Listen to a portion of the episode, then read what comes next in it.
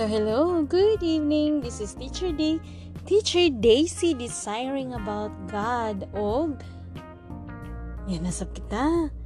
Mamati, magbasa para, you know, para mas makatunta, mas makaibaw ta sa mga pagtulunan nga puti pasabot sa atong Ginoo nga sa Hesus Kristo o ang mga buhat sa mga apostoles. Sige, magampuan kita sa samahan sa anak sa Diyos po Santo. Amen. Dalay ko niya amahan. Daghang salamat ini kay gayunan nga maghihatag ka na mo karon. Daghang salamat sa imong pagigugma. Daghang salamat sa imong duga nga kaluoy kay imo man kami gitagaan ng another day another day to live another day to worship you and to glorify you, Lord. So, we ask you, Lord, to bless. Ilabi na ang namati karon ang mahinata na kani mahimong instrumento para usab sa iyang kinabuhi nga buti pasabot imong gusto. O ikaw na ang bahala nga magpahanay sa mga nanginahanglan. Mahinaot paunta nga kami makabati sa ilang mga pulong o manghinaot kami nga kami makahatag og tabang kaluoy o inigsuong paghigugma. Kining tanan na mong gipanghayo gipasalamatan pinagi sa ngalan ni Hesus Kristo among Ginoong maduluwas. Amen. Ang mayong balita mahitungod kang si Kristo sumala sa sulat ni sa mga buhat sa Apostoles Kapitulo 8 versikulo 1 hangtod sa 40. Himayaon ikaw Ginoo. Giyuyon, giuyunan ni Saulo ang pagpatay kang Esteban. Gilutos ni Saulo ang simbahan versikulo 1 hangtod sa 3. Niya na gayong adlaw nagsugod ang mapintas nga paglutos batok sa simbahan sa Jerusalem. Ang tanang mga magtutuo gawa sa mga apostoles nagkatibulaag ngadto sa mga lalawigan sa Judea ug sa Samaria. Si Esteban gilubong sa pipila ka mga taong Dios nun ug nagbangutan sila pag-ayo tungod sa iyang kamatayon.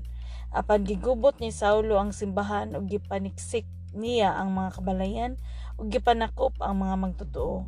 Lalaki ug babae ug gibalhog niya sa kabilangguan ang ebanghelyo gisangyaw dito sa Samaria. Versikulo 4 hangtod sa 25 ang mga magtotoo nga nagkatibulaag nangadtop sa nagkalain-laing dapit ug nagsangyaw sa mensahe Si Felipe miadto sa usa ka syudad sa Samaria ug didto gisangyawan niya ang katawhan mahitungod sa Mesiyas. Naghiusa ang mga tao sa pagpaminaw sa gisulti ni Felipe sa dihang nabati nila siya ug nakita ang mga milagro nga iyang gibuhat. Gikan sa daghang mga tao ang mga yawa ng gula nga na nagsinggit ug daghan usab ang mga paralitiko ug mga bakul nga nangaayo. Busa nalipay pagayo ang mga tao ni atong maong syudad apan may usa ka tawo nga gingalag Simon nga kaniadto na himog sa lamangka niatong syudara o nakapatingala sa mga Samarianhon. Nagpatuo siya nga gamahanan siya og ang tanang tawo sa syudad gikan sa tanang buhutong sa katilingban. Mituo kaniya mingon sila siya ang gahom sa Dios nga gitawag ug ang dakong gahom. Ug kay sa dugay-dugang panahon nakapahibulong man siya kanila pinagi sa ing salamangka mituo sila kaniya Apan sa dihang midawat na sila sa mensahe ni Felipe, mahitungod sa mayong balita sa paghari sa Dios ug sa ngalan ni Hesus Kristo, sila, mga babae ug baba, lalaki, gibunyagan. Si Simon mismo mituo sa bughuman siya, bunyagi naguban-uban siya ni Felipe ug natingala siya sa pagkakita niya sa dagkong mga milagro ug mga katingalahang buhat. Ang mga apostoles nga dito sa Jerusalem nakadungog nga ang mga taga Samaria midawat sa pulong sa Dios. Busa ilang gipadala sa Pedro ug si Juan nga ngadto kanila. Sa pagabot nila, nagampo sila nga ang mga magtotoo makadawat unta sa Espiritu Santo kay ang Espiritu Santo wala pa man mukunsad bisan sa usa kanila. Nabunyagan lamang sila sa ngalan sa Ginoong Hesus. Unya gipandong ni Pedro ug ni Juan ang ilang mga kamot ngadto sa mga magtotoo ug nakadawat sila sa Espiritu Santo. Nakita ni Simon nga nadawat sa mga tawo ang Espiritu Santo sa diha nga ipandungan sila sa mga kamot sa mga apostoles. Busa gitanyagan niya salapi si Pedro ug si Juan ug gingnan, hatagi usab ako ni ining gahuma. Aron ang tanan nga mapandungan ko sa akong kamot makadawat sa Espiritu Santo. Apan sa Pedro mitubag kaniya, malaglag kaunta uban sa imong salapi tungod sa imong pagunahon nga mapalit mo ang gasa sa Dios Dili ka makaambit ug wala kay bahin ni ining buhata. Kay dili matarong ang imong kasing-kasing sa tubangan sa Dios. Busa hinulsuli kining dautan mong laraw ug pagampo nga pasayloon ka sa Ginoo tungod sa imong pagunahuna sa ingon. Kaya kung nasabot nga dako ang imong kasina ug naulipon ka sa sala. Si Simon maingon kan Pedro ug kang Juan, iampo intawon ako ninyo sa Ginoo aron dili mahitabo ang inyong gisulti kanako.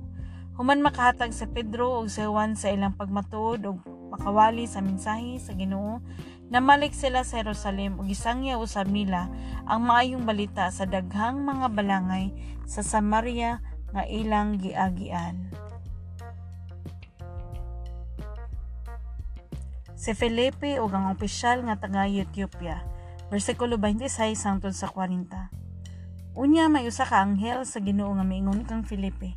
Lakaw ngadto sa habagatan dito sa dalan nga gikan sa Jerusalem paingon sa Gaza. Kining dalana anaa sa diserto. Busa milakaw sa Felipe ni adtong higayuna may usa ka yunoko nga taga Ethiopia nga nagpanaw pauli sa ila. Usa siya kasi naligang opisyal og tinugyanan sa mga bahandi sa Kandasi, ang reyna sa Ethiopia. Miato siya sa Jerusalem aron sa pagsimba sa Dios.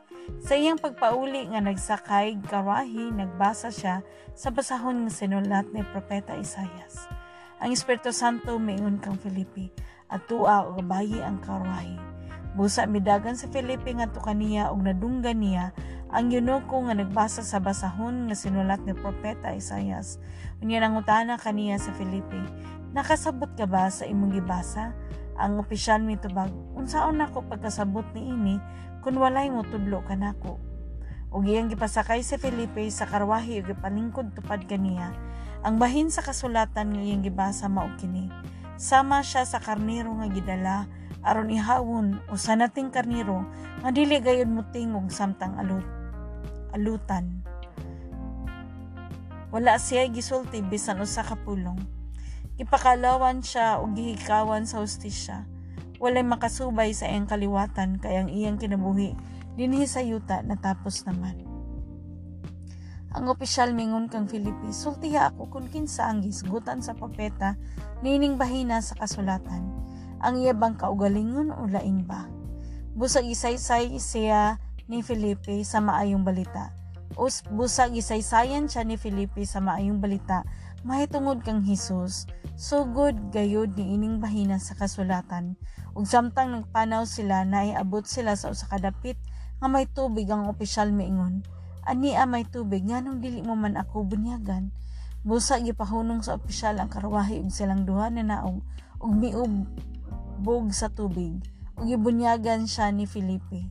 Sa paghawas nila, gikan sa tubig, ang espiritu sa Ginoo misakmit kang Filipi ug wala na siya makit-i sa opisyal. Apan ang opisyal may padayon sa iyang panaw nga malipayon kayo. Unya, nakamatngon sa Felipe nga didto na siya sa Osoto ug nagwali sa mayong balita sa tanang lungsod hangtod sa Cesarea. Ang pulong sa Ginoo. Salamat sa Dios.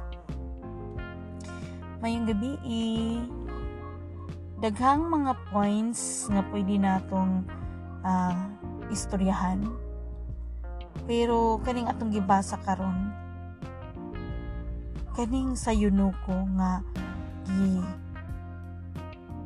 gibunyagan no sa primero wala siya kasabot ug nangita siya og mutudlo kaniya niya ang makatudlo lamang pareho ning Filipi nga puno sa Espiritu Santo nga mo'y makasaysay sa maayong balita. Pero karong panahon na, asa may atong basihan nga makatudlo usab kita. Kasagaran gamiton ang maayong balita o ang Biblia. Oo, kuhaan natong base ang mga ebanghelyo ni nga gipasakaran ni San Juan, ni San Mateo, ni San Marcos ni San Lucas. Pero, ingon pa, maguna gayod, oh, ako lang sa akong personal nga experience, naguna para kanako ang akong pagtugyan sa Ginoo sa akong kinabuhi.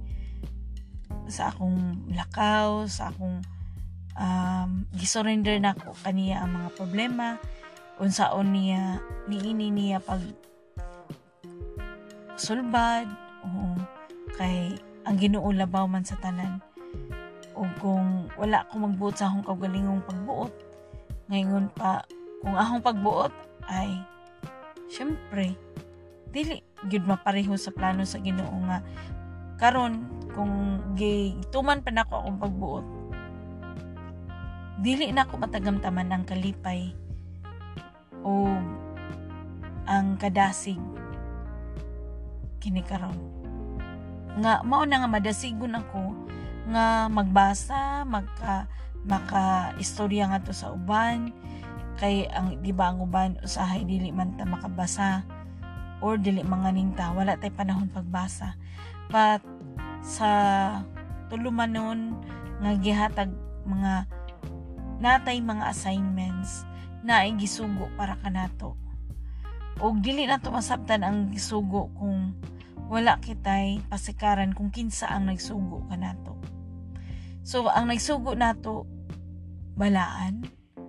Ang nagsugo ka nato, anak sa Dios, si Heso Kristo. Nagsugo siya ka nato nga isamwak, ipasamwak ang maayong balita. Og in my own upinagi sa Espiritu Santo, mo kani ang pagbasa sa Ebanghelyo, pagbasa sa basahon sa Biblia, o ginaot ako nga bisan man lamang ning tipik natong pagpamasa, may nakatunan kita. Oo. Unsa may atong nakatunan aning ato gibasa karon? Number one, nakatunan nato nga naay mo hinggo nagubot oo, sa mga magtotoo. Oo kani si Saulo. Bisan kita sa atong relihiyon, sa atong pagtuon, mo gubot na mga tentasyon. Dili lang pareho sa una nga lutuson ka, pero karon gilutos kita sa atong mga bisyo, sa atong mga kalibutanon nga panginahanglan, kalibutanon nga mga kinaiyahan. So na mga nakagubot nato. O ginawa pa nga kaning mga kagubot nga atong nat na tagamtaman, mas mut patigbabaw ang atong pagtuo. Oo nga mas makasangyaw kita sa ebanghelyo sa Dios.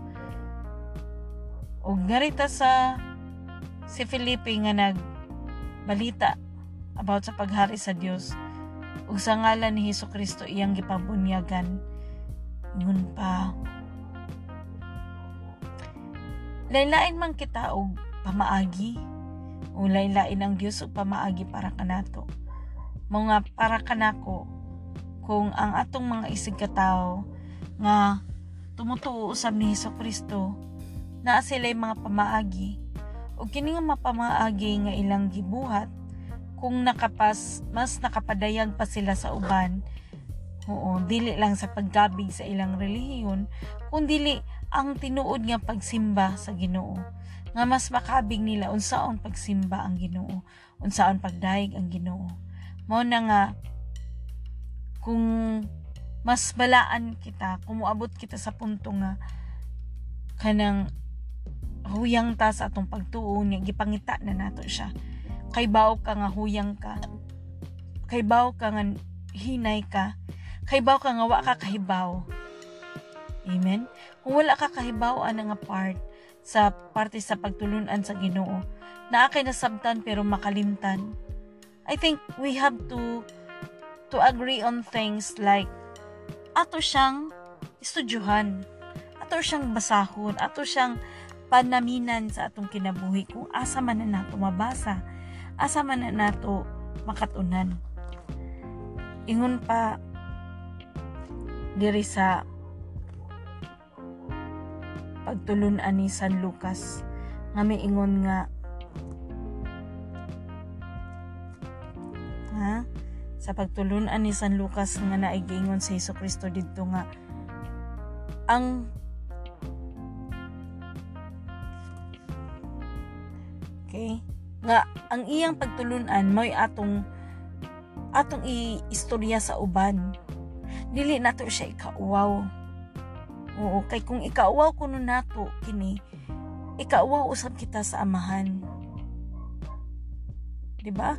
Uh, we have to be proud of our of our faith. Not be proud with what church we belong.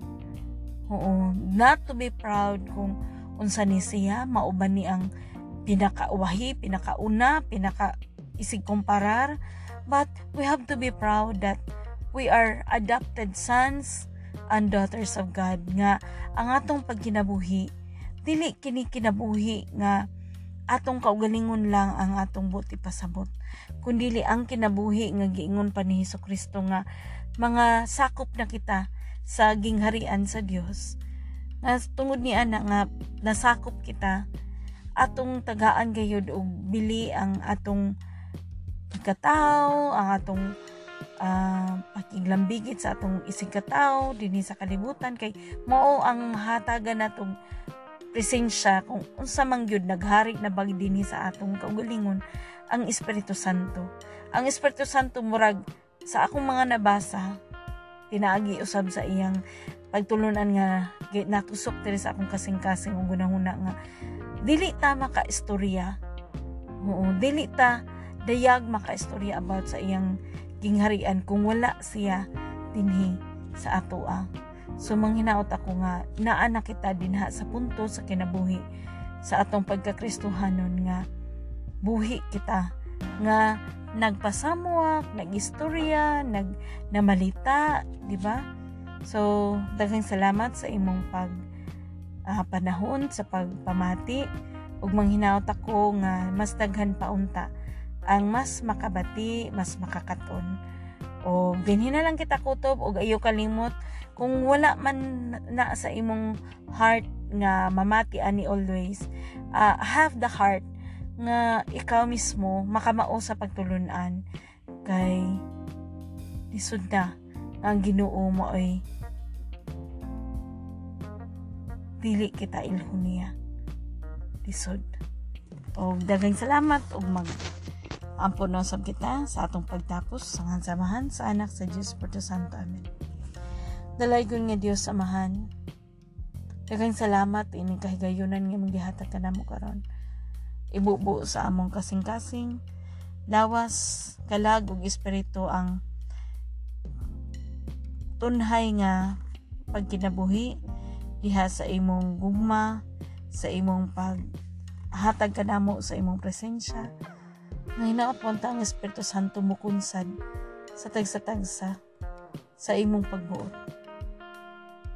Manghinaot kami nga ang mga tao dili lang material lang ang gipangita o mga physical lang nga makitaan but more on the what is not seen wa makiti uh, kada bang nag-work in progress sa among kinabuhi daghang salamat. O magdungan kita amahan namo nga naa sa langit. Malaan nang imong ngalan maghari ka kanamo ug tumano nang imong pagbuot ni sa yuta sa mga ituman kini dito sa langit. Ihatag kanamo ang pagkaon nga among gikinahanglan karong adlaw. Magpasaylo kami sa among mga sala. Sa mga kami nagpasaylo sa mga nakasala ka namo. Ayaw kami itugyan sa pagsulay. Luwasay noon kami gikan sa dautan. Kay imo ang gingharian ang gahom o ang himaya. Hangtod sa kanturan. Amen. Saan samahan sa anak sa Diyos por Santo. Amen. And thank you and good night.